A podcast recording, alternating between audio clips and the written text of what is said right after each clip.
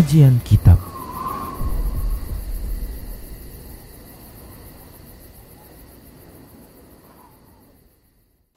Bismillah, Assalamualaikum warahmatullahi wabarakatuh Innal hamdalillah nahmaduhu wa nasta'inuhu wa nastaghfiruh wa na'udzu billahi min shururi anfusina wa min sayyiati a'malina man yahdihillah fala mudilla lahu ومن يضلله فلا هادي له واشهد ان لا اله الا الله وحده لا شريك له واشهد ان محمدا عبده ورسوله صلى الله عليه وسلم قال الله تبارك وتعالى يا ايها الذين امنوا اتقوا الله حق تقاته ولا تموتن الا وانتم مسلمون يا ايها الناس اتقوا ربكم الذي خلقكم من نفس واحده وخلق منها زوجها وبس منهما رجالا كثيرا ونساء.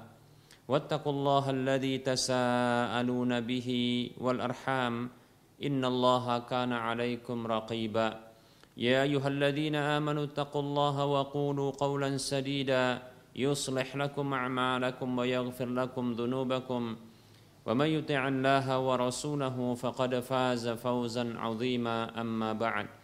فإن أصدق الحديث كتاب الله وخير الهدى هدى رسول الله صلى الله عليه وسلم وشر الأمور محدثاتها وكل محدثة بدعة وكل بدعة ضلالة وكل ضلالة في النار Para pemirsa Rosya TV dan para pendengar Radio Medan Mengaji di mana saja Anda berada Rahimani wa rahimakumullah Alhamdulillah Tak lupa kita selalu bersyukur kepada Allah Subhanahu wa taala yang senantiasa memberikan kenikmatan dan kebaikan kepada kita.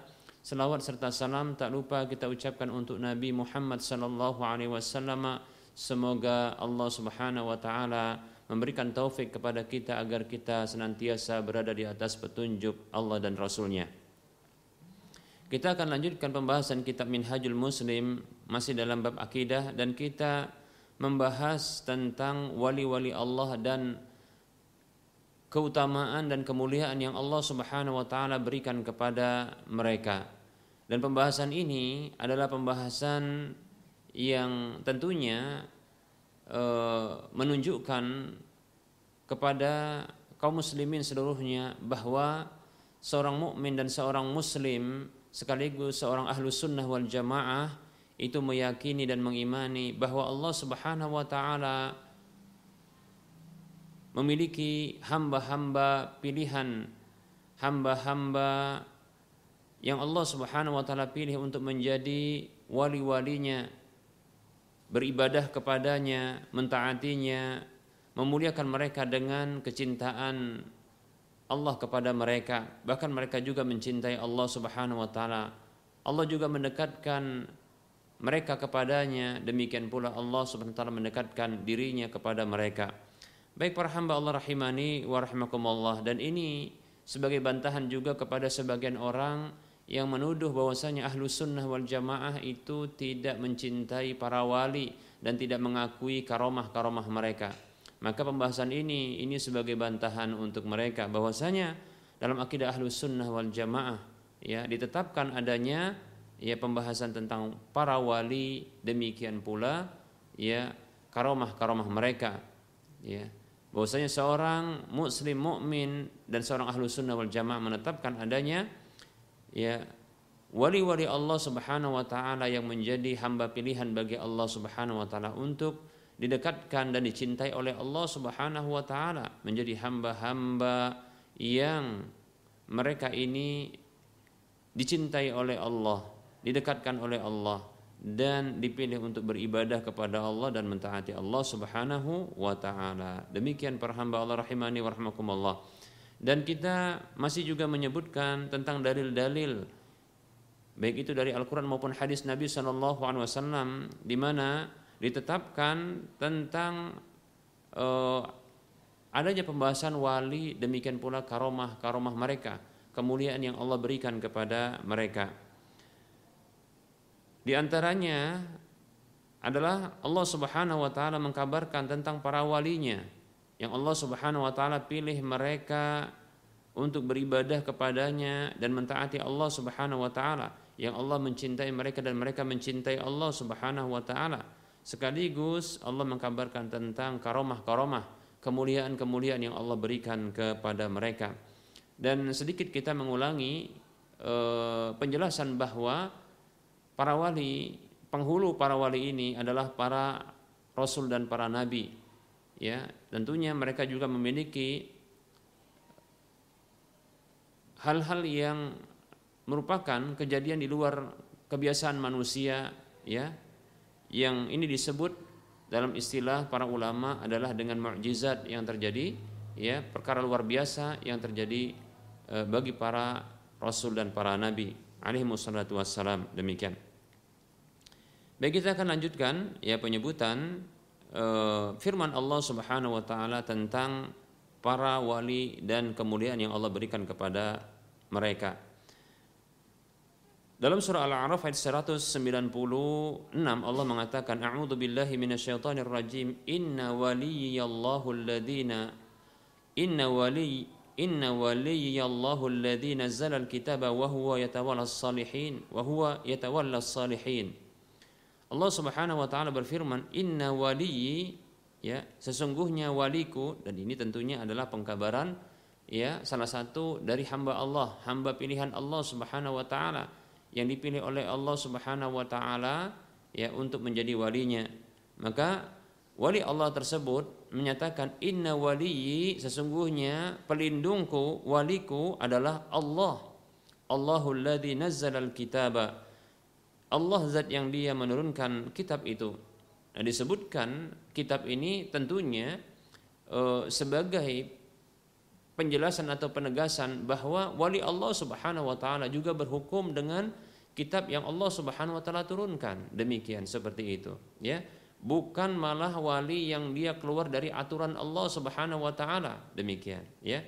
Penyebutan kitab sini, penyebutan kitab sebagai panduan ya hukum bagi manusia. Ini menunjukkan bahwasanya para wali itu masih mereka ya e, berpegang dengan aturan Allah Subhanahu wa taala yang terdapat di dalam yang tertuang di dalam kitab-kitab suci ya.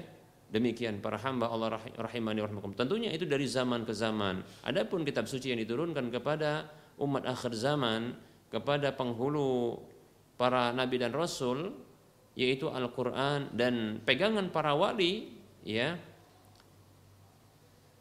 di zaman Nabi Wasallam ini adalah Al-Quran sebagai petunjuk ya bagi mereka para hamba. Wahwa yatawallas salihin dan dia yaitu Allah Subhanahu Wa Taala adalah pelindung orang-orang yang saleh. Menunjukkan bahwasanya ya para wali Allah Subhanahu Wa Taala mereka itu adalah orang-orang yang berbuat kesolehan yang berbuat amal kebaikan, bukan orang-orang yang kehilangan akalnya ya, yang tidak lagi bisa membedakan antara kebaikan dan keburukan. Demikian para hamba Allah rahimani wa rahimakumullah. Berikutnya dalam surah Yusuf ayat 24 Allah mengatakan a'udzu billahi minasyaitonir rajim. Kadzalika nila kadzalika linasrifa anhu as-su'a wal fahsya innahu min ibadin min ibadinal mukhlasin dalam surah Yusuf ayat 24. Dan ini tentunya lah ya e, pengkabaran Allah Subhanahu wa taala tentang hamba pilihannya. Wali Allah Subhanahu wa taala yang beliau ini adalah seorang nabi dan seorang rasul, ya seorang nabi ya yaitu Nabi Yusuf alaihissalam. Allah mengkabarkan kadzalika demikianlah linasrifa anhu su'a wal fahsya kami memalingkan darinya keburukan dan kekejian-kekejian. Innahu min ibadinal mukhlasin. Sesungguhnya dia, yaitu Nabi Yusuf tersebut, termasuk hamba-hamba pilihan kami. Ya, hamba-hamba yang kami pilih atau hamba-hamba kami yang tulus yang ikhlas. Demikian. Para hamba Allah rahimani wa rahimakumullah. Nah, ini uh, tentunya kemuliaan yang Allah Subhanahu wa taala berikan kepada para wali-wali Allah Subhanahu wa taala ya. Yang mereka itu disebabkan karena keimanan mereka demikian pula ketakwaan mereka dan ini merupakan ciri khas yang sangat ya yang sangat uh, sangat uh, ciri khas yang sangat tepat ya atau ciri khas yang Allah berikan kepada para wali Allah dua hal ini yaitu keimanan dan ketakwaan ya. Maka Allah Subhanahu wa taala akan berikan kemuliaan kepada mereka. Di antaranya adalah Allah tolong mereka untuk ya dipalingkan keburukan serta kekejian perkara yang buruk-buruk ya dari mereka tersebut. Ya demikian para hamba Allah rahimani warahmatullah dan ini indikasi yang menunjukkan bahwasanya memang para wali Allah itu adalah orang pilihan sekaligus mereka ya adalah orang-orang yang ikhlas dalam ketaatan dan ke, e, per, e, ibadah kepada Allah Subhanahu wa taala. Kemudian dalam surah Al-Isra ayat 65 Allah mengatakan a'udzu billahi minasyaitonir rajim inna ibadi laisa laka 'alaihim sultan. Sesungguhnya kata Allah Subhanahu wa taala para hambaku tidak ada kemampuan sedikit pun bagimu wahai iblis untuk menguasai mereka. Surah Al-Isra ayat 65.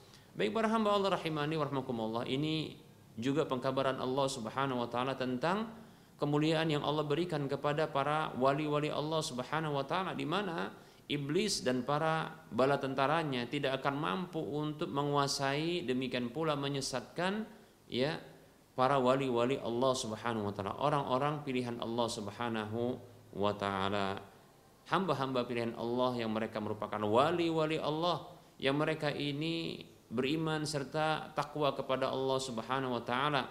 Ya, tentunya ya dengan keikhlasan ya mereka dalam ketaatan tersebut dan ibadah tersebut kepada Allah Subhanahu wa taala, maka Allah Subhanahu wa taala yang memberikan kemuliaan kepada mereka berupa syaitan itu tak akan mampu ya iblis dan bala tentaranya para syaitan itu tidak akan mampu untuk menyesatkan dan menguasai ya para wali wali Allah tersebut Semoga Allah Subhanahu wa taala menggolongkan kita termasuk para wali-wali Allah Subhanahu wa taala. Kemudian Allah Subhanahu wa taala berfirman di dalam surah Ali Imran ayat 37 Allah mengatakan a'udzu billahi minasyaitonir rajim. Kullama dakhala 'alaiha Zakaria al-mihrab wajada 'indaha rizqa. Qala ya Maryam anna laki hadha? Qalat huwa min 'indillah. Allah berfirman yang artinya setiap kali Zakaria masuk menemui menemuinya yaitu Maryam alaihissalam ya setiap kali Nabi Zakaria masuk menemui Maryam di mihrab ya maka Nabi Zakaria mendapatkan di sisi Maryam itu rizki dari Allah Subhanahu wa taala. Maka Nabi Zakaria bertanya kepada Maryam ya salam. Ya Maryam wahai Maryam laki hada bagaimana ini bisa menjadi uh, diberikan untukmu? Qalat maka Maryam mengatakan huwa min indillah. Rizki ini berasal dari sisi Allah Subhanahu wa taala. Baik para hamba Allah rahimani wa rahimakumullah. Nah, ini juga pengkabaran dari Allah Subhanahu wa taala tentang walinya ya wali walinya yaitu Maryam alaihissalam ibu dari seorang nabi ya yaitu Nabi Isa alaihissalam alaihissalam ya. Dan yang memelihara ya Maryam ini ya dan mengasuhnya adalah Zakaria ya alaihissalam yang juga beliau termasuk nabi ya.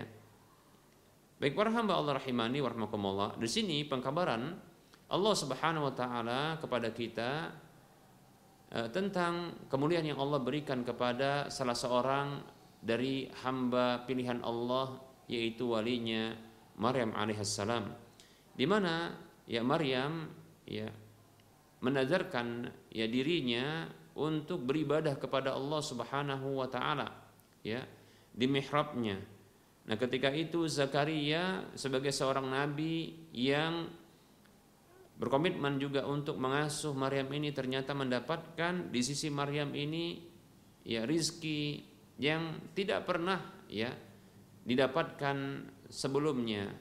Ya bahkan disebutkan dalam satu tafsiran bahwasanya ya apa yang didapatkan oleh Maryam tersebut ya ada rezeki yang tidak ada di musim kala ketika itu. Demikian para hamba Allah rahimani wa rahimakumullah. Nah ini tentunya adalah keutamaan yang Allah berikan, kemuliaan yang Allah berikan kepada para wali-wali Allah Subhanahu wa taala. Oleh karenanya, ya kita sebagai seorang muslim, seorang mukmin bahkan ahlu sunnah wal jamaah meyakini ya adanya wali-wali Allah, hamba-hamba pilihan Allah Subhanahu wa taala yang mereka beriman dan bertakwa kepada Allah, melaksanakan ketaatan, ya, perintah-perintah Allah mereka kerjakan, semua larangan Allah mereka tinggalkan dengan keikhlasan mereka. Maka Allah Subhanahu wa taala memberikan kemuliaan-kemuliaan kepada mereka dalam kehidupan dunia bahkan diabadikan di dalam kitabnya yang bisa kita baca ya. Dan ini sebagai motivasi bagi kita agar kita bisa seperti mereka pula.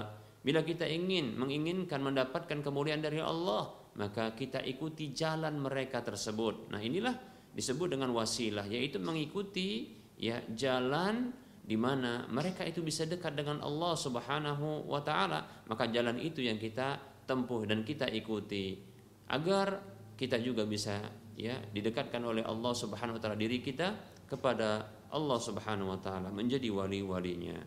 Kemudian Allah Subhanahu wa taala berfirman di dalam surah As-Saffat ayat 139 sampai 144.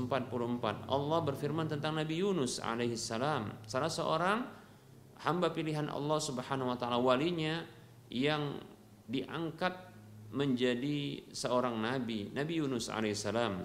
Allah mengatakan a'udzu billahi minasyaitonir rajim wa inna yunus laminal mursalin id abaqa ilal fulkil mashhun fasahama fakana minal mudhadin faltaqamahu al-hut wa huwa mulim falawla annahu kana minal musabbihin lalabisa fi batnihi ila yaumi yub'atsun Allah Subhanahu wa taala berfirman yang artinya dan sungguh Yunus itu benar-benar termasuk seorang rasul.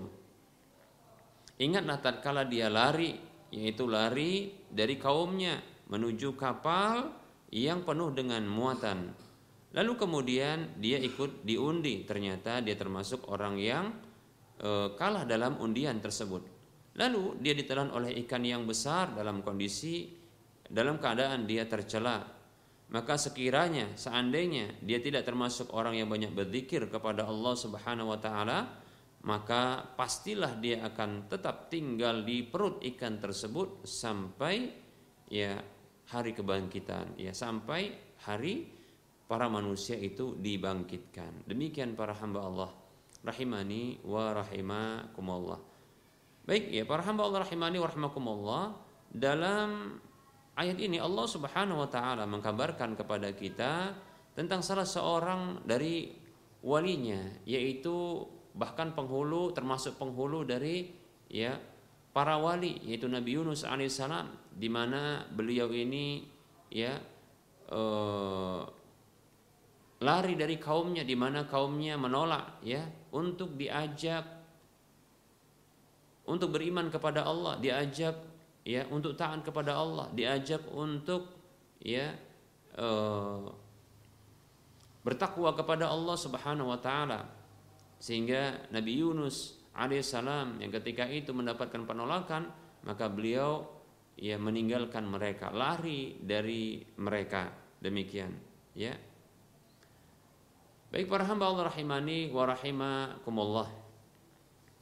Namun Allah Subhanahu wa taala ya memberikan teguran kepada Nabi Yunus, uh, Nabi Yunus alaihissalam ya dengan cara dia uh, dikalahkan dalam undian dikarenakan penuhnya uh, barang dan muatan dalam kapal di mana beliau alaihissalam itu lari ya meninggalkan kaumnya. Akhirnya beliau termasuk orang yang kalah lalu ya terlempar dan terbuang dari kapal tersebut lalu Allah takdirkan adanya ikan besar yang menelan beliau. Allah mengkabarkan kalaulah tidak termasuk ya Nabi Yunus alaihissalam ini orang-orang yang e, dipilih oleh Allah untuk ya dekat dengan Allah, ya bertasbih dengan amal ibadah, ya sampai pun dalam kondisi e, sulit bahkan di perut ikan ketika itu, tentunya ini akan e, menyebabkan Nabi Yunus alaihissalam ini akan terus berada dalam perut ikan tersebut sampai hari kebangkitan. Demikian para hamba Allah rahimani wa rahimakumullah.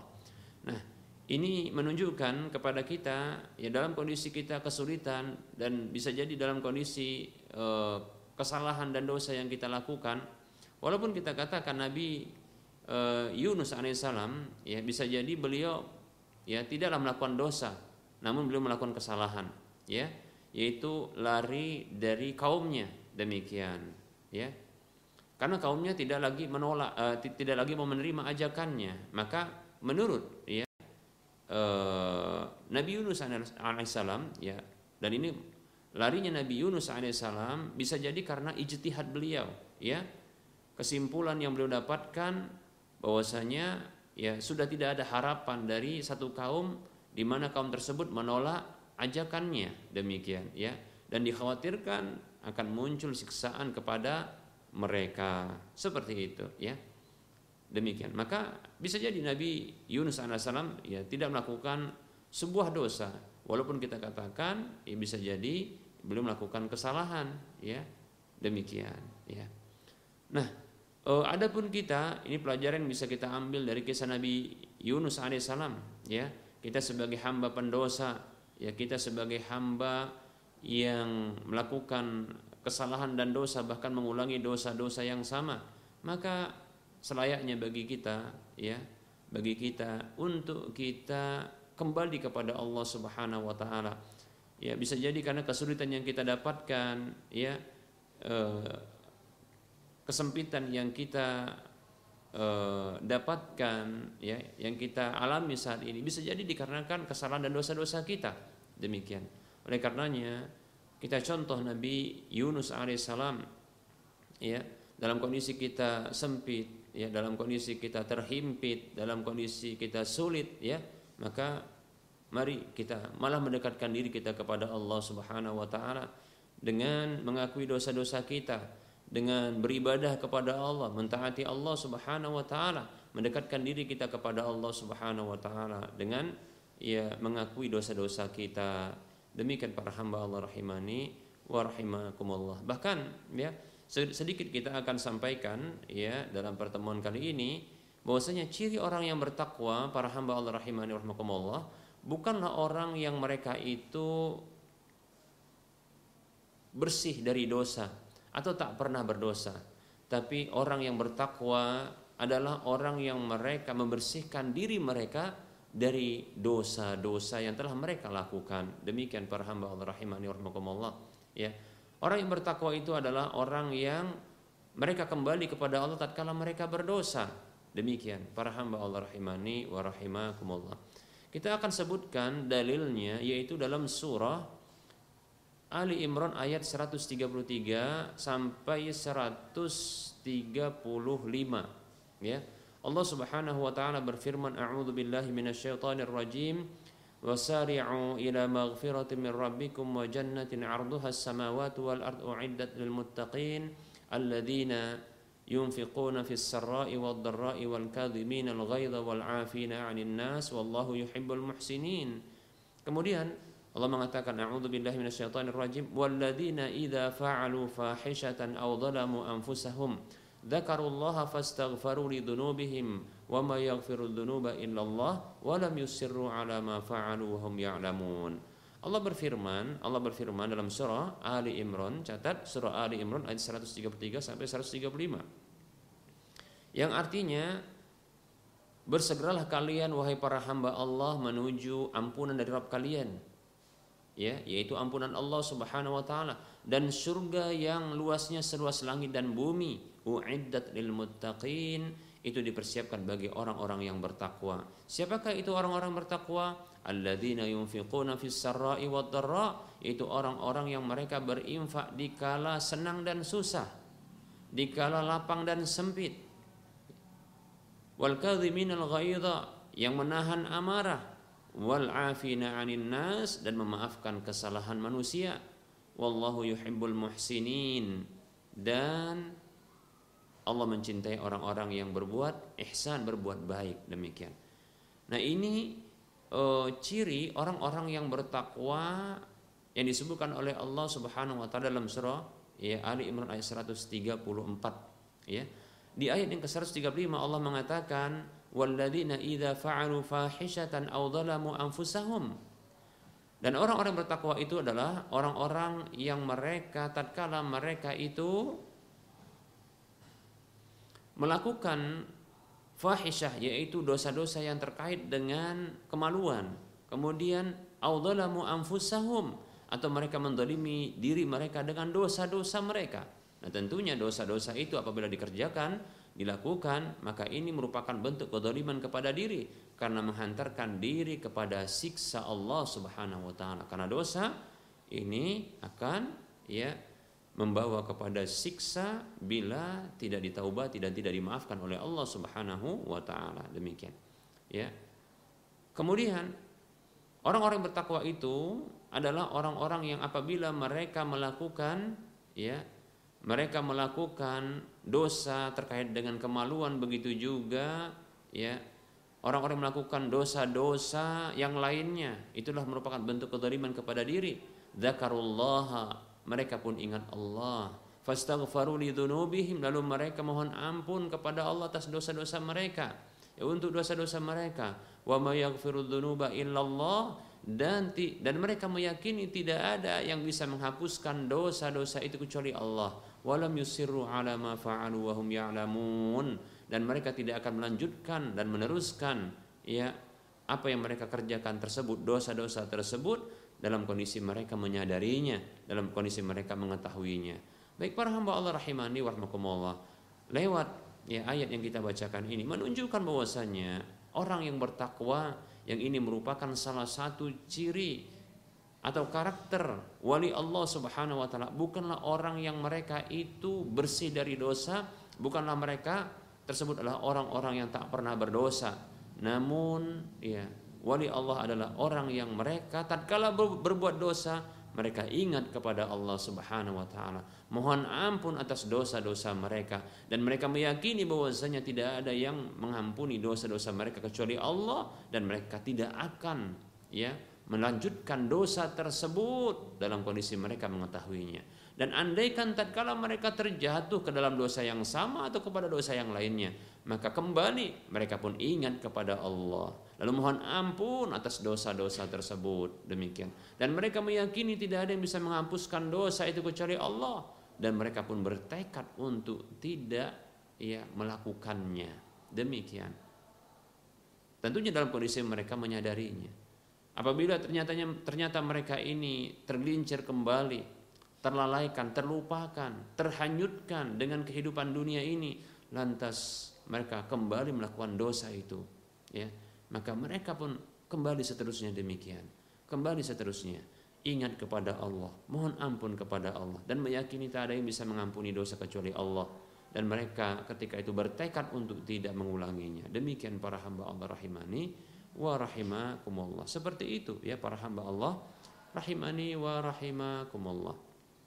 Sepantasnya ya seorang muslim mukmin ya yang menginginkan untuk menjadi hamba-hamba Allah yang dipilih oleh Allah agar menjadi wali-wali Allah maka senantiasa ya mereka beriman dan bertakwa melaksanakan ya e, perintah-perintah Allah seluruhnya dan menjauhi larangan-larangan Allah semuanya. Semampu mereka. Fattaqullaha mastata'tum. Bertakwalah kepada Allah semampu kalian. Demikian para hamba Allah rahimani wa rahimakumullah. Kemudian ya kita akan sebutkan ya firman Allah Subhanahu wa taala di dalam surah Maryam ayat 24 sampai 26 yang mengisahkan tentang Maryam. Ya Allah Subhanahu wa taala berfirman A'udzu billahi minasyaitonir rajim فناداها من تحتها ألا تحزني قد جعل ربك تحتك سريا وهزي إليك بجذع النخلة تساقط عليك رطبا جنيا فكلي واشربي وقري عينا. فإما ترين من البشر أحدا فقولي إني نذرت للرحمن صوتا فلن أكلم اليوم إنسيا. Baik para hamba Allah rahimani wa rahimakumullah. Allah Subhanahu wa taala berfirman yang artinya fanada maka dia yaitu Jibril alaihissalam memanggilnya yaitu memanggil ya menyeru ya kepada Maryam. Min tahtiha dari tempat yang rendah dari arah bawahnya.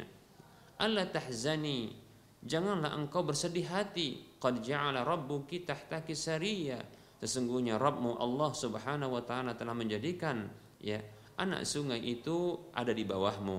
Wa huzzi ilaika bijiz'in nakhlati tusaqit alaiki rutaban janiyya dan goyangkanlah pangkal pohon kurma tersebut ke arahmu. Tusaqit alaiki rutaban janiyya niscaya ya hal itu akan menggugurkan buah kurma yang masak kepadamu fakuli washrobi wa qarri aina. Maka makanlah serta minumlah dan bersenang hatilah dirimu. Demikian para hamba Allah rahimani wa rahimakumullah. Baik para hamba Allah rahimani wa rahimakumullah. Di sini juga kembali Allah Subhanahu wa taala ya e, mengkabarkan kepada kita tentang salah satu dari wali Allah Subhanahu wa taala ya. Dan ini tadi sudah kita sebutkan ya Maryam. Kalau yang tadi kita sebutkan dalam kondisi Maryam alaihissalam itu dalam kondisi masih gadisnya yang masih diasuh dan dipelihara oleh Nabi Zakaria alaihissalam. Dan kali ini yang kita sebutkan adalah kondisi di mana ya Maryam alaihissalam dalam kondisi hamil ya dalam kondisi hamil dan merasa berat ya ketika itu kehamilannya ya Dalam kondisi seperti ini Maryam alaihissalam mendapatkan ujian dari Allah Subhanahu wa taala. Memang demikian ya. Ketahuilah bahwasanya para hamba Allah rahimani rahimakumullah faedah yang bisa kita ambil dari uh, kisah ini ya bahwasanya apabila Allah mencintai satu kaum pasti Allah Subhanahu wa taala akan menguji mereka sebagaimana Rasulullah SAW bersabda Inna Allah idha ahabba qawman ibtalahum. Sesungguhnya Allah apabila mencintai satu kaum, maka Allah menguji mereka, memberikan ujian kepada mereka. Demikian. Dan tentunya ujian yang diberikan kepada setiap hamba itu perlu kita ketahui bahwasanya ujian tersebut itu mampu untuk kita lalui. Mengapa demikian? Karena tak mungkin Allah Subhanahu wa taala memberikan beban kepada satu hamba, satu jiwa melainkan sesuai dengan kemampuannya. Allah Subhanahu wa taala berfirman di dalam surah Al-Baqarah 286, "La yukallifullahu nafsan illa wus'aha." Tidaklah dia yaitu Allah Subhanahu wa taala memberikan ya beban kepada satu jiwa kecuali sesuai dengan kemampuannya. Demikian. Baik. Nah, ujian yang berat ini yang seandainya ini menimpa salah seorang wanita di zaman ini mungkin sangat berat sekali ya. Namun ketahui andaikan itu terjadi, maka ketahui itu sesuai dengan kemampuan kemampuannya. Demikian pula apa yang menimpa Maryam alaihissalam, salah satu dari wali hamba pilihan Allah Subhanahu wa taala. Hal tersebut adalah sesuatu yang dimampui oleh Maryam alaihissalam untuk melampauinya, untuk melaluinya. Demikian, ya. Oleh karenanya, semestinya bagi kita ketika kita mendapatkan ujian dan beban ya dari Allah Subhanahu wa taala ini akan membuat kita semakin cinta kepada Allah Subhanahu wa taala ya karena ternyata Allah cinta kepada kita demikian. Dan semakin mendekatkan diri kita kepada Allah Subhanahu wa taala. Karena sesungguhnya Allah inginkan kita dekat dengan Allah Subhanahu wa taala. Allah inginkan kita itu dekat dengan Allah dengan ujian yang menimpa kita tersebut. Baik para hamba Allah rahimahani rahimakumullah. Demikianlah ya Maryam alaihissalam diuji oleh Allah Subhanahu wa taala hambanya, hamba pilihannya, walinya. Jadi jangan dikira bahwasanya hamba ya pilihan Allah wali Allah itu tidak diberikan ujian, tidak ya. Ada ujian yang menimpa mereka, yang Allah berikan kepada mereka. Dan itu merupakan bentuk cinta Allah kepada mereka. Demikian ya. Maryam alaihissalam diuji, ya diuji dengan kehamilan. Yang sesungguhnya itu bukanlah keinginannya. Demikian ya. Dan itu bukan atas dasar perzinahan ya. Dan begitu beratnya tentunya ujian ini bila kita bayangkan ya betapa tidak bagaimana dia bisa hamil dalam kondisi dia tidak punya suami ya. Bahkan bahkan itu bukan karena perzinahan. Nah, ini tentunya perkara yang berat tentunya. Tapi itu mampu untuk dilampaui oleh Maryam alaihissalam ini. Demikian para hamba Allah rahimahni warahmatullah Lalu Allah Subhanahu wa taala turunkan ya, berikan kemuliaan kepadanya. Di mana Jibril alaihissalam pun ya itu ya memberikan penguatan kepada ya wali-wali Allah Subhanahu wa taala dan tentunya ini sebelum ya eh, kisahnya sebelum tentunya untuk umat-umat sebelum Nabi Muhammad SAW. Adapun untuk umat Nabi Muhammad SAW maka tidak ada lagi malaikat Jibril yang turun kepada individu tertentu dari umat ini karena sesungguhnya wahyu telah sempurna. Demikian para hamba Allah rahimani warahmatullah. Nah kemuliaan yang Allah berikan kepada Maryam alaihissalam salah seorang dari wahyu eh, dari wali-wali Allah subhanahu wa taala adalah didatangkan malaikat Jibril untuk mengembirakan hati ya uh, Maryam alaihissalam ini ya. Bahkan mengucapkan kalimat ya yang agar tidak bersedih ya. Bahkan ya Allah swt memberikan kemuliaan ya berupa anak sungai yang bisa diminum airnya begitu juga ya uh, buah kurma yang bisa ya uh, di dimakan buahnya ya dengan cara digoyangkan ya pada e, pangkal pohonnya. Nah, tentunya ini kemuliaan yang luar biasa karena sesungguhnya pohon kurma tidaklah mungkin untuk bisa digoyangkan hanya dengan sekali tendangan saja. Bahkan ya berkali-kali tendangan pun tidak akan bisa tergoyahkan. Ya demikian, seperti itu. Ya. Ini menunjukkan bahwasanya ini kemuliaan yang Allah berikan dengan ditendang ya, dengan e, digoyang ya, dengan kaki atau dengan tangan ternyata ini pohon kurma tersebut ya Allah jadikan bisa menguburkan buahnya. Baik para hamba Allah rahimani wa rahimakumullah. Inilah kemuliaan yang Allah berikan kepada Maryam alaihissalam dalam kondisi dia mendapatkan ya ujian. Oleh karenanya para hamba Allah rahimani wa rahimakumullah, ketika kita mendapatkan ujian dari Allah, selayaknya kita semakin mendekatkan diri kepada Allah Subhanahu wa taala dan nantikan ya, nantikan dari Allah Subhanahu wa taala kemuliaan-kemuliaan ya kemuliaan-kemuliaan yang Allah akan berikan kepada kita.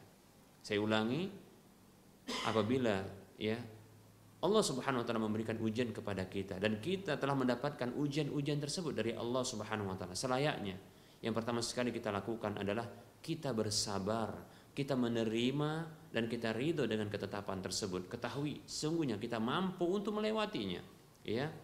Dan jadikan itu sebagai motivasi bagi kita untuk semakin cinta dengan Allah. Karena ternyata Allah menunjukkan cintanya dengan cara demikian ya kemudian semakin kita mendekatkan diri kepada Allah dengan beribadah kepada Allah senantiasa taat kepada Allah Subhanahu wa taala beriman terus kepada Allah ya bertakwa kepada Allah mentaati Allah Subhanahu wa taala melaksanakan semua perintah-perintahnya dan menjauhi larangan-larangan Allah Subhanahu wa taala. Maka nantikan kemuliaan-kemuliaan itu akan Allah berikan kepada kita baik di dunia segera maupun setelah wafatnya kita.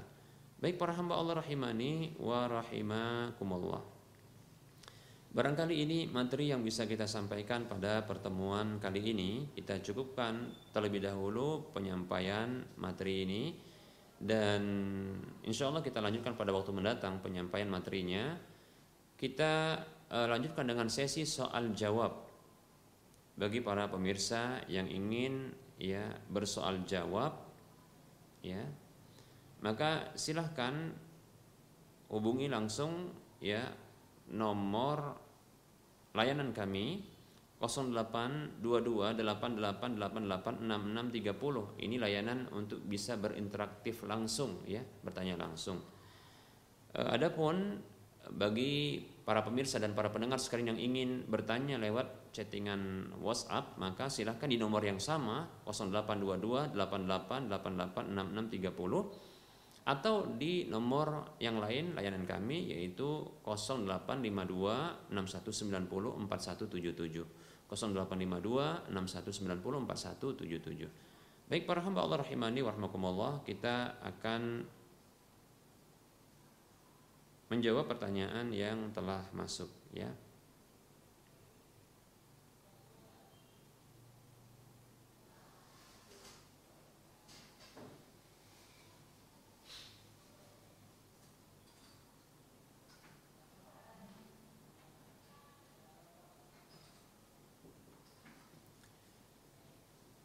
Baik, Ibu Nur silakan uh, uh, menghubungi nomor 0822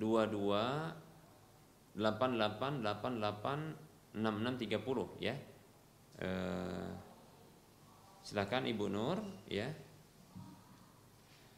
Ibu Nur silakan menghubungi nomor 0822 ya 88 88 6630 silakan di nomor itu ya Ibu Nur ya.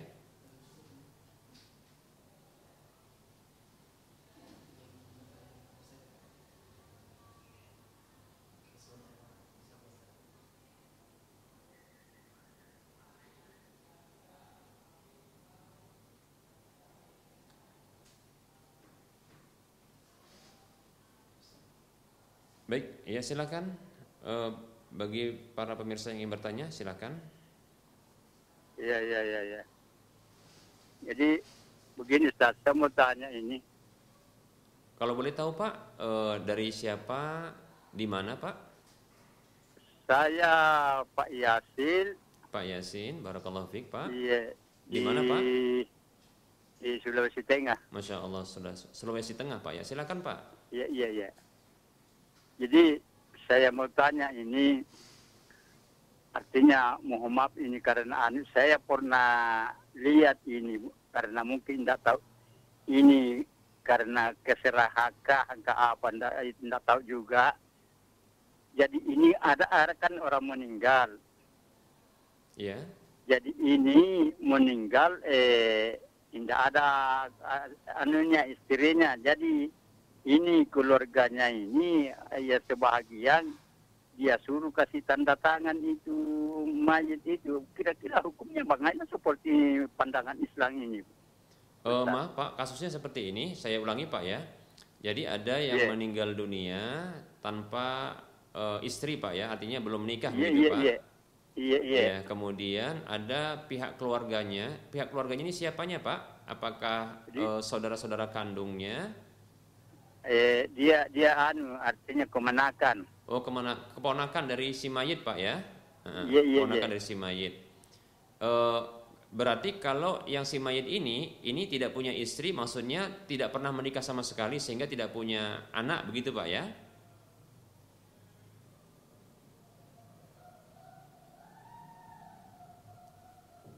Baik terputus sepertinya. Halo? Silakan Pak, lanjutkan Pak.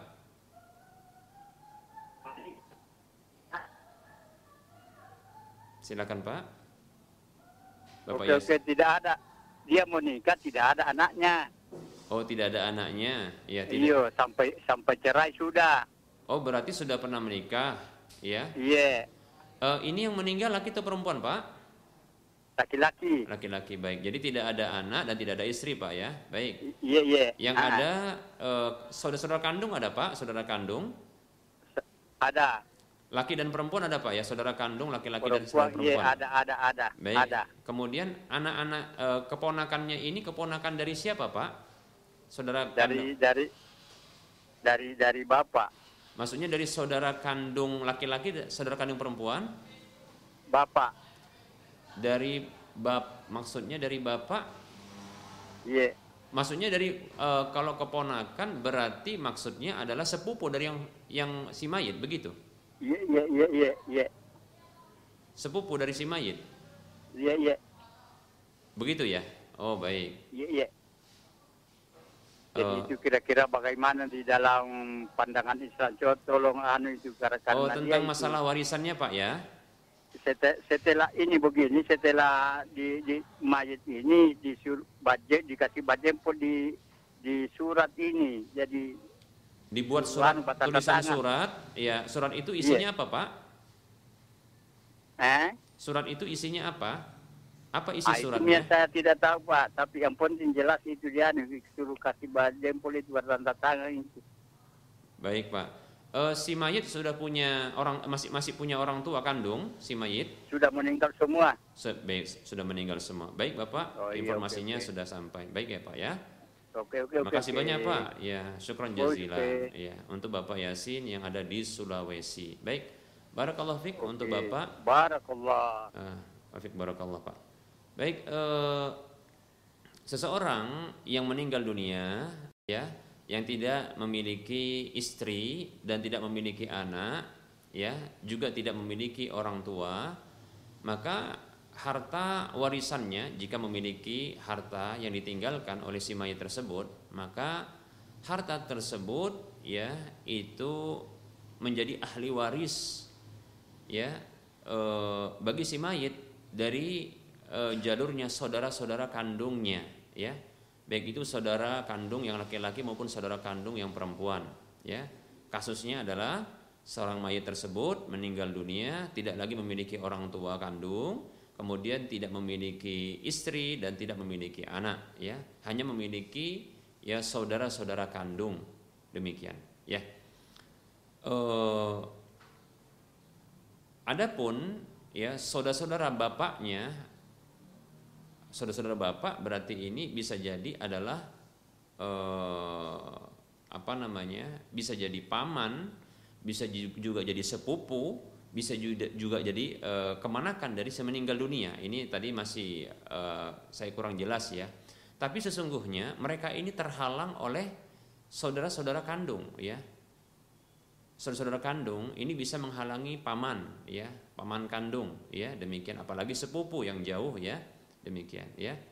Begitu juga e, ponakan yaitu anak-anak dari e, saudara-saudara kandung. Ini terhalang oleh bapak-bapak mereka yaitu saudara-saudara kandung dari si mayat itu.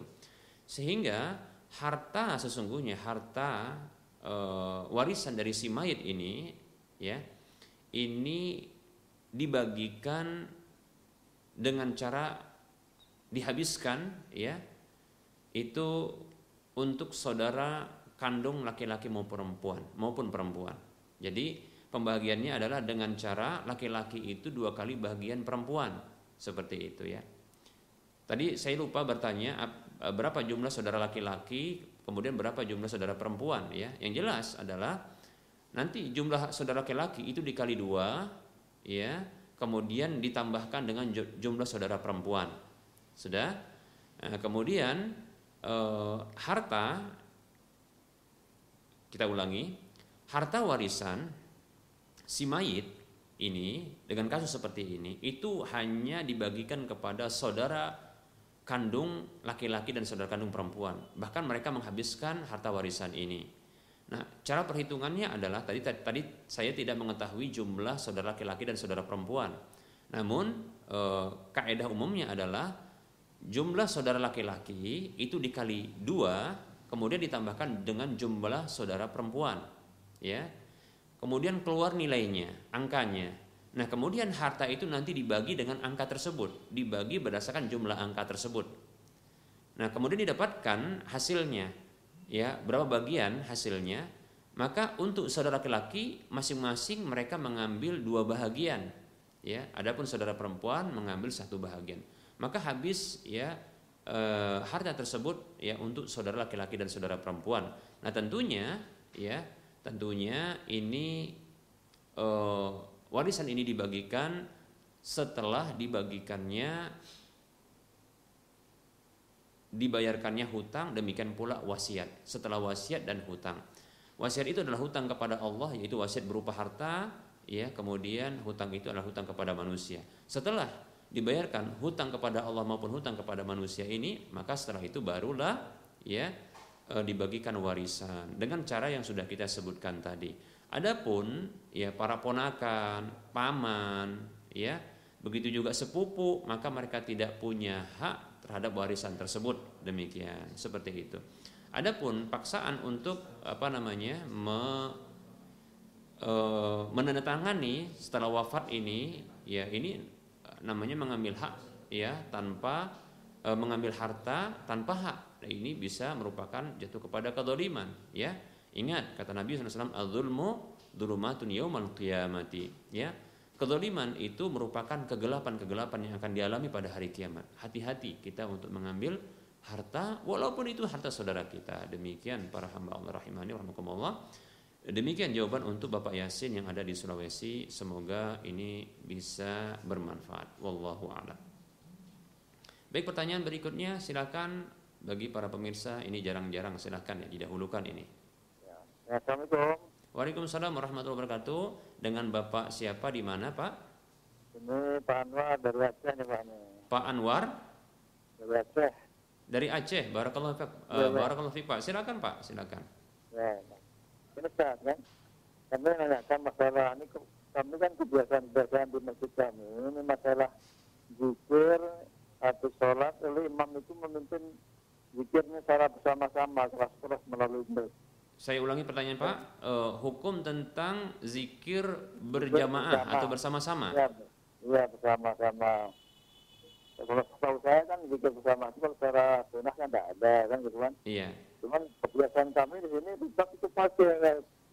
Mulai dari baca istighfar sampai berdoa pun bersama-sama diaminkan oleh para makmum. Apakah ini ada dalam hadis Rasulullah? Baik. Dosa itu apakah hadis misalnya? Ada dasar-dasar hadisnya dari mana? Ataupun larang-larangannya ada atau tidak cuma masalah itu? Mohon penjelasan dari Ustaznya. Baik. Ya, ya. Syukran Bapak Anwar ya. Barakallahu fiik. Jazakallah Ya. khairan, Pak. Ya. Ya. Baik. Eh, Masya Allah ya. Ini pertanyaan tentang zikir berjamaah setelah sholat. Baik para hamba Allah rahimani wa rahimakumullah. Eh, perlu diketahui bahwasanya amal ibadah itu selain keikhlasan ya yang merupakan syarat diterimanya amal, ada syarat yang lain yaitu syarat kesesuaian amal ibadah tersebut sesuai dengan petunjuk Nabi Shallallahu Alaihi Wasallam. Karena Nabi kita Muhammad Shallallahu Alaihi Wasallam bersabda dalam hadis yang diriwayatkan oleh Imam Bukhari dan Muslim dari istri beliau yang tercinta Aisyah radhiyallahu anha. Nabi Wasallam bersabda, "Man ahdatsa fi amrina hadza ma laysa minhu fahuwa raddun." Siapa saja yang membuat baru dalam urusan agama kami ini sesuatu yang bukan darinya maka tertolak. Kemudian hadis yang lain man amila amalan laisa alaihi amruna fahuwa raddun. Rasulullah bersabda sallallahu alaihi wasallam ini hadis riwayat Muslim, siapa saja yang beramal dengan semu- sebuah amalan yang tidak ada perintah kami padanya maka tertolak. Maka untuk diterimanya amalan tersebut ya itu harus ada perintahnya. Baik itu perintah pada zat amal ibadah tersebut maupun pada tata caranya, berikutnya pada penentuan waktu, begitu juga bilangannya serta tempatnya. Demikian ya. Kita tidak boleh mengada-ada ya agar tidak tertolak demikian ya. Eh, adapun eh, zikir berjamaah setelah sholat ya kemudian begitu juga sampai ya eh, berdoa dipimpin oleh imam maka eh, tentunya ini adalah perkara yang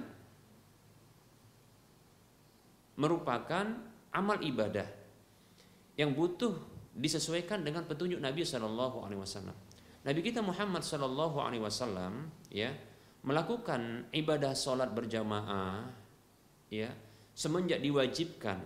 Kita katakan semenjak eh, dibangunnya Masjid Nabawi kita katakan ya. Di tahun pertama hijrah saja ketika di Madinah hijrah itu sudah ada Masjid An Nabawi ya.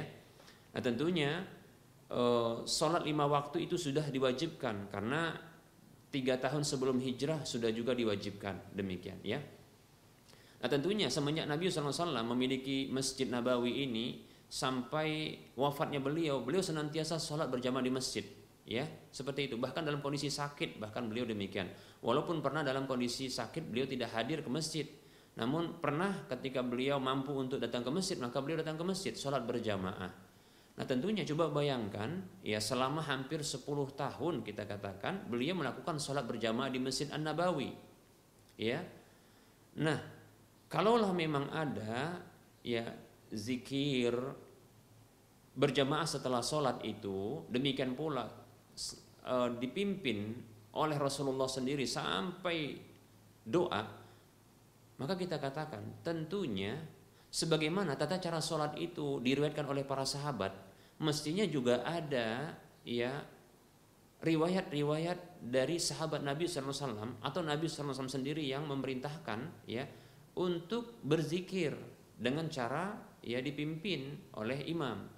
Namun wallahu taala alam ya eh, saya pribadi, saya pribadi saya tidak mendapatkan satu dalil pun ya selama saya membaca kitab-kitab ya referensi para ulama ya. Hadis juga ya. Saya tidak pernah mendapatkan satu hadis pun satu hadis pun di mana Nabi Shallallahu Alaihi Wasallam dikabarkan oleh para sahabat atau Nabi SAW memerintahkan untuk berzikir setelah sholat dalam kondisi berjamaah. Sekaligus nanti sampai dipimpin sampai doanya. Demikian. Ingat ya yang sedang kita bicarakan ini adalah tata cara zikir. Bukan tidak ada zikir setelah sholat berjamaah. Eh, ya, tidak ada zikir. Bukan tidak ada zikir setelah sholat berjamaah. Atau tidak ada doa setelah sholat berjamaah. Ini satu yang dibedakan. ya. Jadi yang tidak didapatkan adalah bentuk komando dan bentuk berjamaahnya ketika zikir dan doanya. Nah itu demikian ya. Yang tidak ada riwayatnya. Adapun zikir setelah sholat itu ada. Dan ini pernah kita sampaikan ya dalam kajian ini ya. Di mana Nabi SAW itu berzikir setelah sholat ya istighfar tiga kali ya. Sampai disebutkan istighfarnya bunyi astagfirullah astagfirullah astagfirullah kemudian Allah antas salam minkas salam tabarak ya dan jalali wal ikram. Ini disebutkan ya. La ilaha illallah wahdahu la syarika lahul mulku wa lahul hamdu wa huwa ala kulli qadir Allahumma la mani alima a'taita wa la mu'ti lima mana'ta wa la yanfa'u jaddi minkal jad sampai itu zikir subhanallah 33 tiga kali ya Alhamdulillah itu dibaca sampai 33 kali. Allahu Akbar dibaca sampai 33 kali. Kemudian ditutup dengan la ilaha illallah wahdahu la syarika lahul mulku wa lahul hamdu wa huwa ala kulli syai'in qadir. Bahkan ada juga bacaan ayat ya, surah ya, ayat kursi kemudian surah uh, Al-Ikhlas, surah Al-Falaq, surah An-Nas juga dibaca demikian. Tapi tata cara membacanya ya dengan cara dikomando dipimpin oleh imam ini yang tidak ada petunjuk dari nabi. Demikian ya. Ini yang tidak ada ya.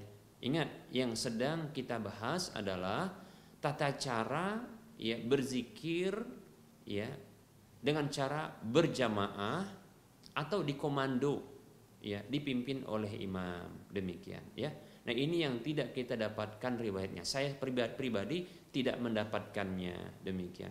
Walaupun dulu saya pernah mengamalkannya ya dulu saya pernah mengamalkannya. Setelah saya mengetahui bahwa tidak ada satu petunjuk nabi pun tentang cara ya zikir itu ya dipimpin oleh imam atau dikomandoi saya tinggalkan. Karena saya telah mengetahui sabda Nabi SAW man amila amalan laisa alaihi amruna fahuwa raddun. Siapa saja yang beramal sebuah amalan yang tidak ada perintah kami padanya maka tertolak. Demikian. Sehingga saya pribadi pun meninggalkannya. Demikian. Seperti itu, ya. Adapun berdoa, ya, sama juga dianjurkan juga untuk berdoa setelah salat berjamaah, ya. Buktinya adalah Nabi SAW ya e, memerintahkan kepada Muadz bin Jabal radhiyallahu anhu untuk tidak meninggalkan membaca doa Allahumma a'inni ala dzikrika wa syukrika wa husni ibadatik. Ya Allah, bantulah aku ya untuk berzikir kepadamu, untuk bersyukur kepadamu dan bagusnya ibadahku kepadamu. Demikian. Ini hadis yang sahih. Itu doa ya. Begitu juga ada doa yang uh, ada hadis ya secara umum ya hadisnya seperti ini ya Nabi SAW bersabda ketika ditanya ayo doa asma doa manakah yang paling didengar oleh Allah Subhanahu wa taala? Maka Rasul mengatakan jaufal lailil akhir doa yang dilantunkan atau yang dipanjatkan di malam larut yang terakhir. Kemudian wadubur as-salawatil maktubat. Dan dubur dubur ini maknanya bisa dua. Yang pertama adalah penghujung dari sholat fardu itu ya. Juga bisa maksudnya adalah maknanya akibaya itu setelah sholat fardu tersebut ya saya condong maknanya dua-dua bisa ya.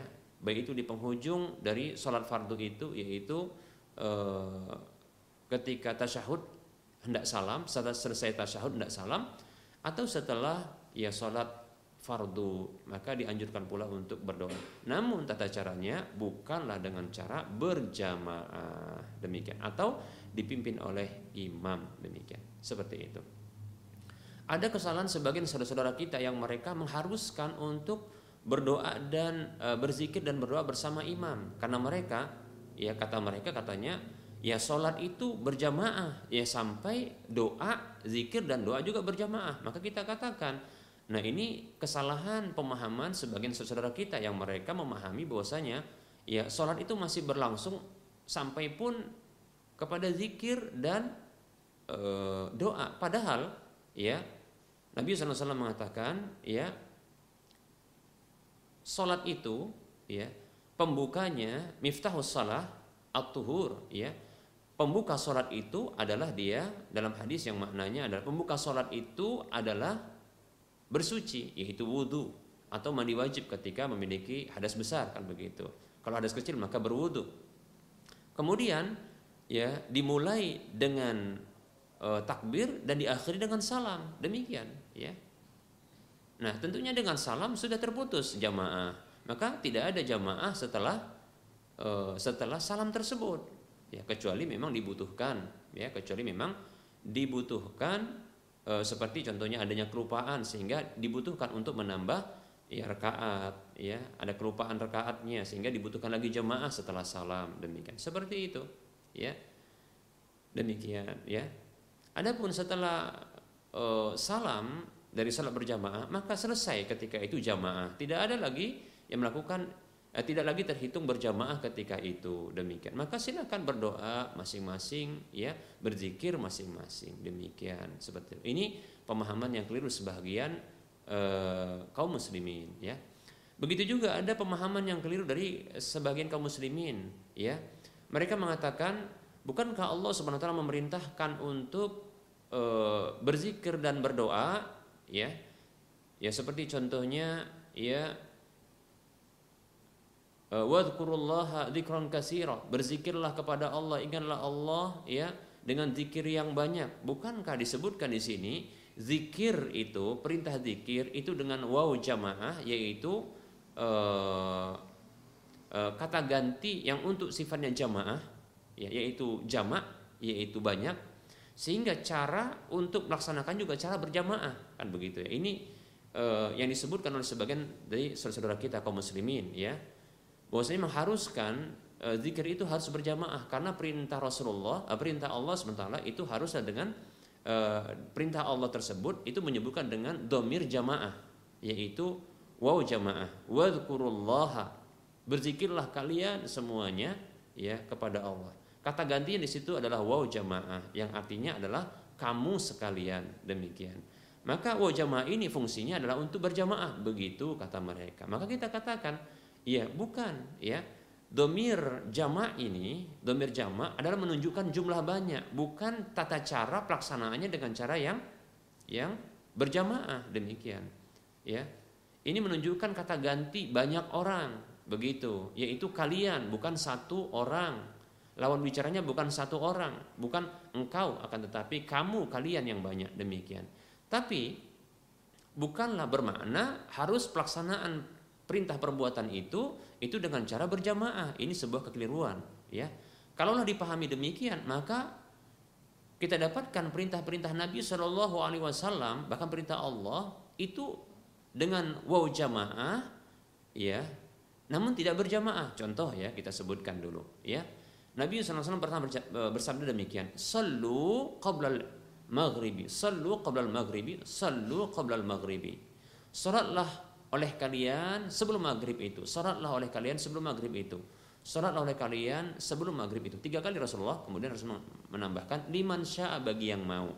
Nah para ulama menyebutkan bahwasanya salat qobliyah sebelum maghrib itu adalah salat sunat ghairu muakkadah.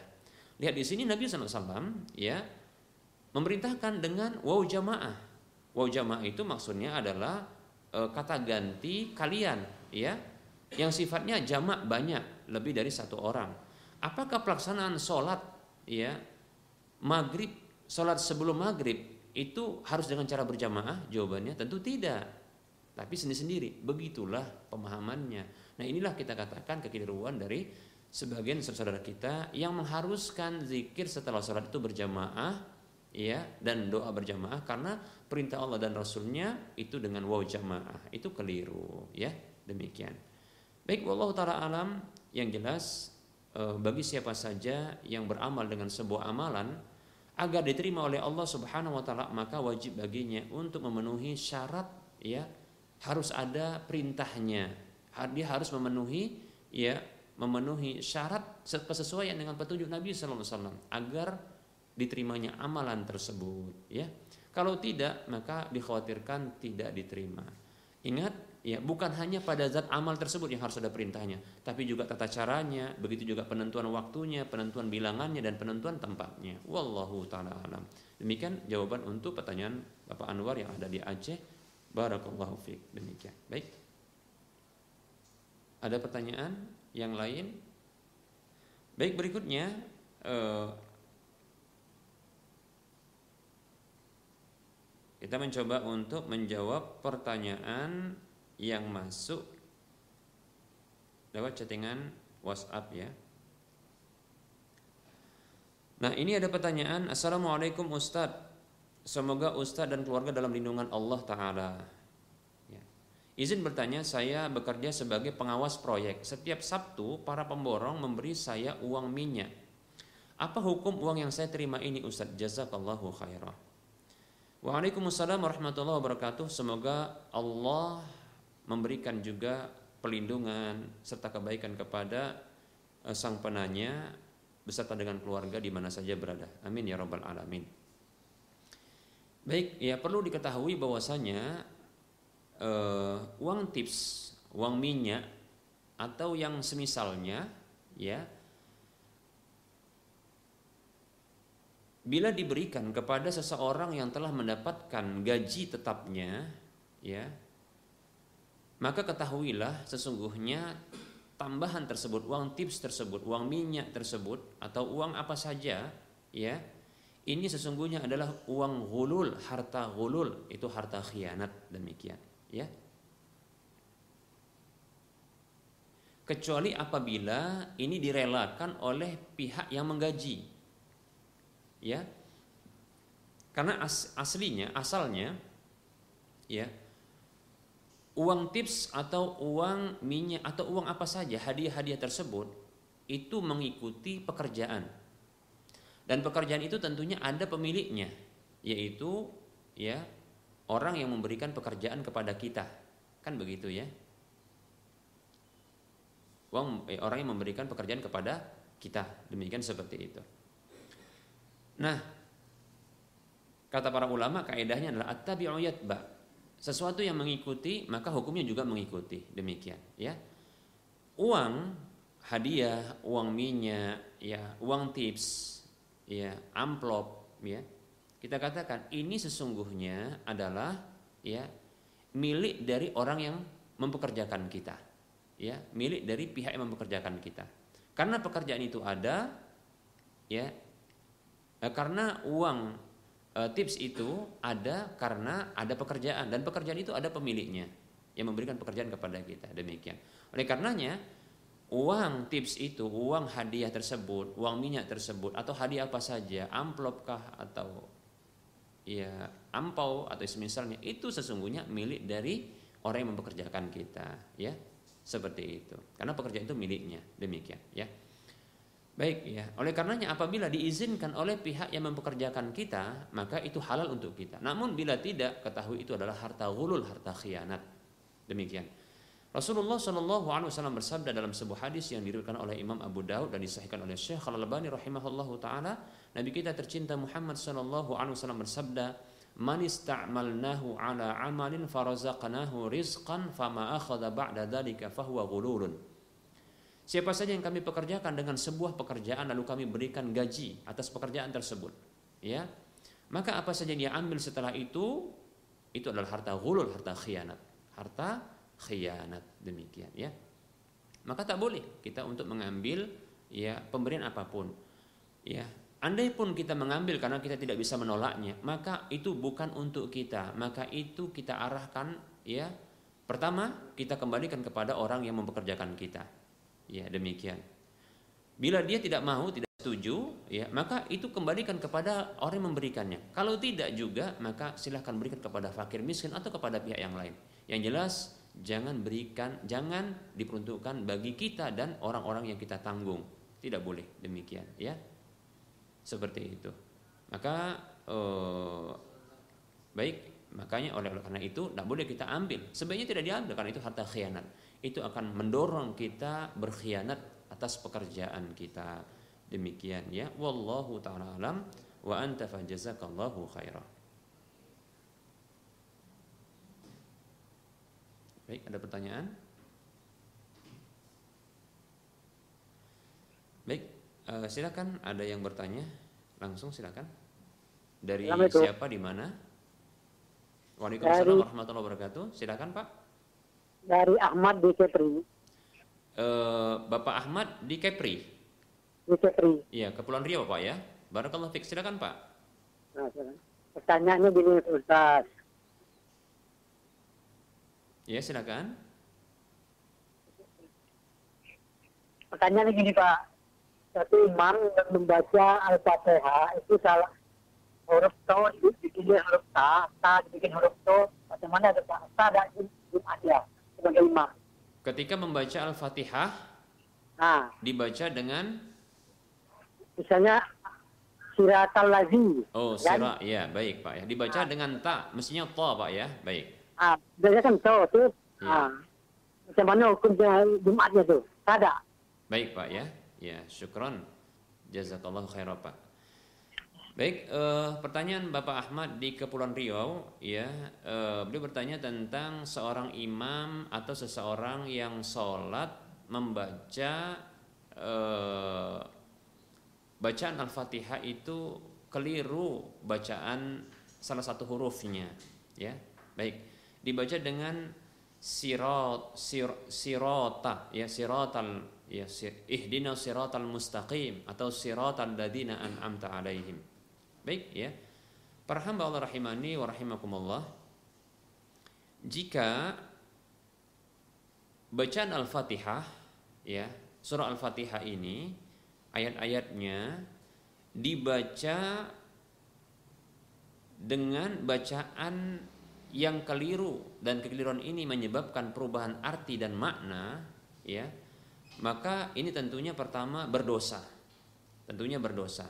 Maka wajib bagi orang tersebut untuk belajar ya e, kembali untuk belajar dia mengenal huruf ya. Begitu juga belajar tajwid, bahkan tahsin Quran juga dia harus belajar demikian ya. Makharijul hurufnya dia harus belajar, begitu juga dia harus belajar uh, ilmu tajwid dan ilmu uh, tahsin Quran ya, sehingga nanti bagus bacaannya dan tepat ya menyebutkan huruf-huruf sesuai dengan haknya demikian ya ini yang pertama berdosa ya. Ya maka wajib baginya untuk belajar. Kemudian yang kedua ya haram ya tentunya ini ya haram untuk dibaca dengan merubah hurufnya ya. Maka prediksi bisa berdosa maka bertaubat kepada Allah subhanahu taala. Kemudian pertanyaan e, berikutnya adalah apakah batal sholatnya? Apakah batal sholatnya? Baik para hamba Allah rahimani warahmatullah. Tadi kita sudah sebutkan hukum yang pertama adalah kesalahan bacaan yang sampai merubah ya makna dari bacaan Al-Qur'an tersebut ya. Ini tentunya eh, haram ya demikian. Kemudian ya pertanyaan berikutnya, apakah batal sholatnya? Ya tentunya ini adalah Al-Fatihah yang dibaca yang merupakan salah satu dari rukun sholat kata Nabi Shallallahu Alaihi Wasallam ya La salat liman lam yaqra bi Fatihatil Kitab. Tidak ada salat bagi orang yang tidak membaca Al-Fatihah. Nah, tentunya orang yang dia tidak membaca Al-Fatihah dengan benar, ya, ini bisa jadi dihukumi orang yang tidak membaca Al-Fatihah dengan dengan sesungguhnya demikian ya. Wallahu taala alam, saya prediksi di sini ada perbedaan pendapat di kalangan para ulama, ya. E, pertama adalah pertama e, pendapat yang mengatakan uh, haramnya tersebut ya itu menyebabkan tidak sah ya tidak sahnya bacaan al-fatihah tersebut. Sehingga tidak sah al-fatihah untuk dibaca tidak sah pula dia sholatnya karena seperti tidak membaca ya al-fatihah demikian. Ya wallahu taala alam ya. Ini uh, prediksi pendapat yang pertama. Pendapat yang kedua prediksi pendapat yang kedua adalah ya ini sah ya sah pendapat ini ya karena keharaman tersebut itu hanya berlaku bagi imam saja. Adapun tidaklah berakibat kepada salatnya makmum demikian. Wallahu taala alam, saya sendiri e, merinci kasus seperti ini. Pertama adalah Ya. Uh, orang tersebut tentunya memaksakan diri dengan membaca Al-Fatihah seperti itu, ya. Apabila dia telah termasuk orang yang belajar, maka mudah-mudahan dia diampuni oleh Allah Subhanahu wa taala. Apabila dia termasuk orang yang belajar, ya. Dia belajar uh, tajwid, tahsin, ya maka dia termasuk orang yang diampuni oleh Allah karena bisa jadi belum sampai pelajaran itu kepada dia, ya maka insya Allah dia diampuni oleh Allah SWT karena dia termasuk orang yang belajar. Kemudian yang kedua adalah e, bisa jadi sholatnya itu e, sah, ya sah bagi orang yang sama seperti dirinya. Apabila makmumnya adalah makmum yang juga sama seperti dirinya, karena dia membaca sesuai dengan kemampuannya. Demikian. Nah seperti itu, ya. Adapun bagi orang yang betul-betul dia tidak mau belajar sementara ada peluang untuk bisa belajar seperti belajar tajwid, makharijul huruf, tahsin sementara dia tidak belajar, maka dia berdosa karena dia tidak belajar. Demikian. Ya. Kemudian yang keempat, rincian yang keempat adalah ya uh,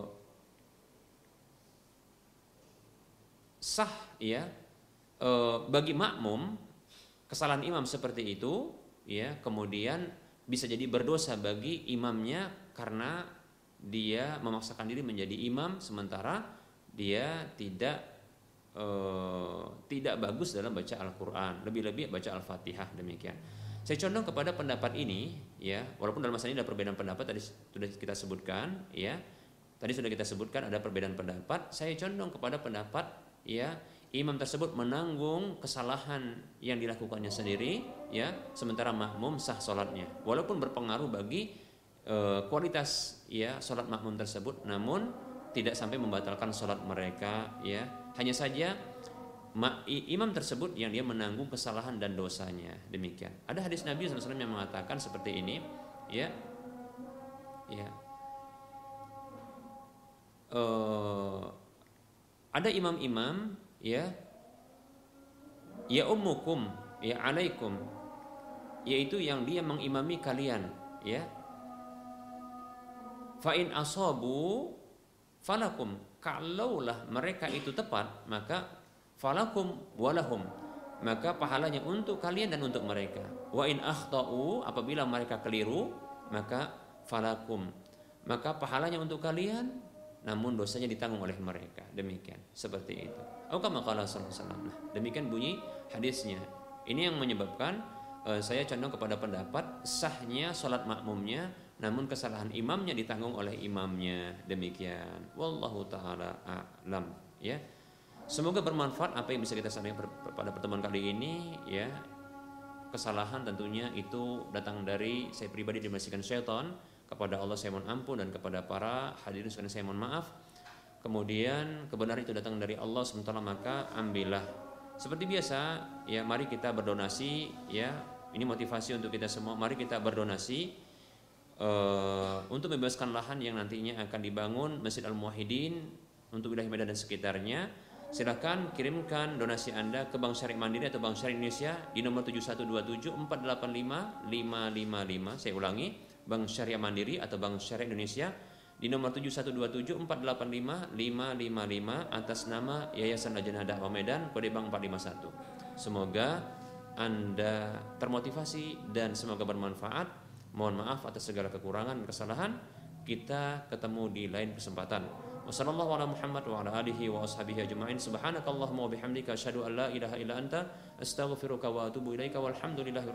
Wassalamualaikum warahmatullahi wabarakatuh. you